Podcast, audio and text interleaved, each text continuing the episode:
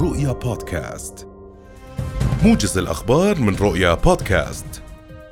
أحبطت كوادر دائرة الجمارك في مركز جابر بالتعاون مع إدارة مكافحة المخدرات محاولة تهريب التسعين ألف حبة مخدرة بإحدى المركبات الخصوصية.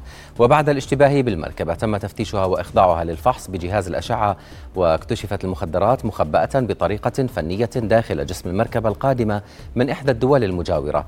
وتم تسليمها مع السائق إلى إدارة مكافحة المخدرات. خرجت حافلة عن مسارها صباح اليوم واصطدمت بمركبة في شارع الجيش بمنطقة المحطة واستقرت أسفر جسر الدخان في الاتجاه المقابل. إدارة السير قالت أن الحادثة تسبب بخمس إصابات إحداها بليغة وتم نقلهم إلى المستشفى كما أدى الحادث إلى تباطؤ بحركة السير في المنطقة. كما دعت الإدارة السائقين إلى اتباع إرشادات رقباء السير في الموقع إلى حين معالجة آثار الحادث.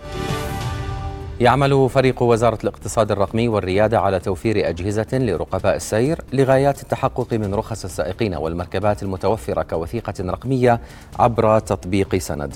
الناطق الإعلامي باسم الوزارة شروق هلال قالت إنه سيصبح باستطاعة رقباء السير قراءة ال QR code الموجود على المستندات الرقمية للمواطنين ودعت المواطنين إلى المسارعة بتحميل التطبيق وتفعيل هويتهم الرقمية عن طريق محطات سند المنتشرة في المملكة ليستفيدوا من الخدمة الجديدة.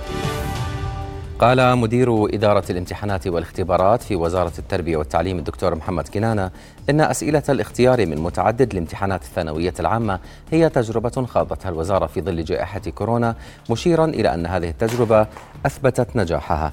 كنانة أضاف لرؤية أن امتحان الاختيار من متعدد مطبق في معظم دول العالم وأن هذا الاختبار أثبت الموضوعية والقدرة على قياس قدرات الطلاب. وأضاف كنانة أن الإجابة ستعتبر خاطئة إذا اختار الطالب أكثر من إجابة في الامتحان.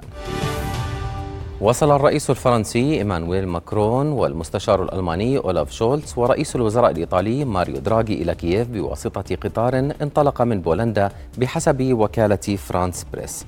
زيارة القادة الثلاثة إلى كييف تأتي لتأكيد دعم أوروبا لأوكرانيا في مقاومة العملية العسكرية الروسية منذ الرابع والعشرين من شباط الماضي. حذر المفوض الأعلى لشؤون اللاجئين في الأمم المتحدة فيليبيو جراندي اليوم من أنه إذا لم يتمكن العالم من حل الأزمة الغذائية الناجمة عن العملية العسكرية الروسية في أوكرانيا فإن أعداد النازحين قسرا عن ديارهم ستتخطى كثيرا الرقم القياسي الذي سجل مؤخرا وبلغ مليون نازح.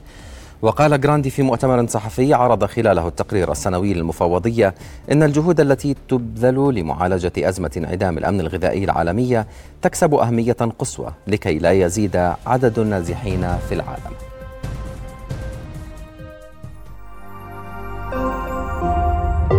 رؤيا بودكاست.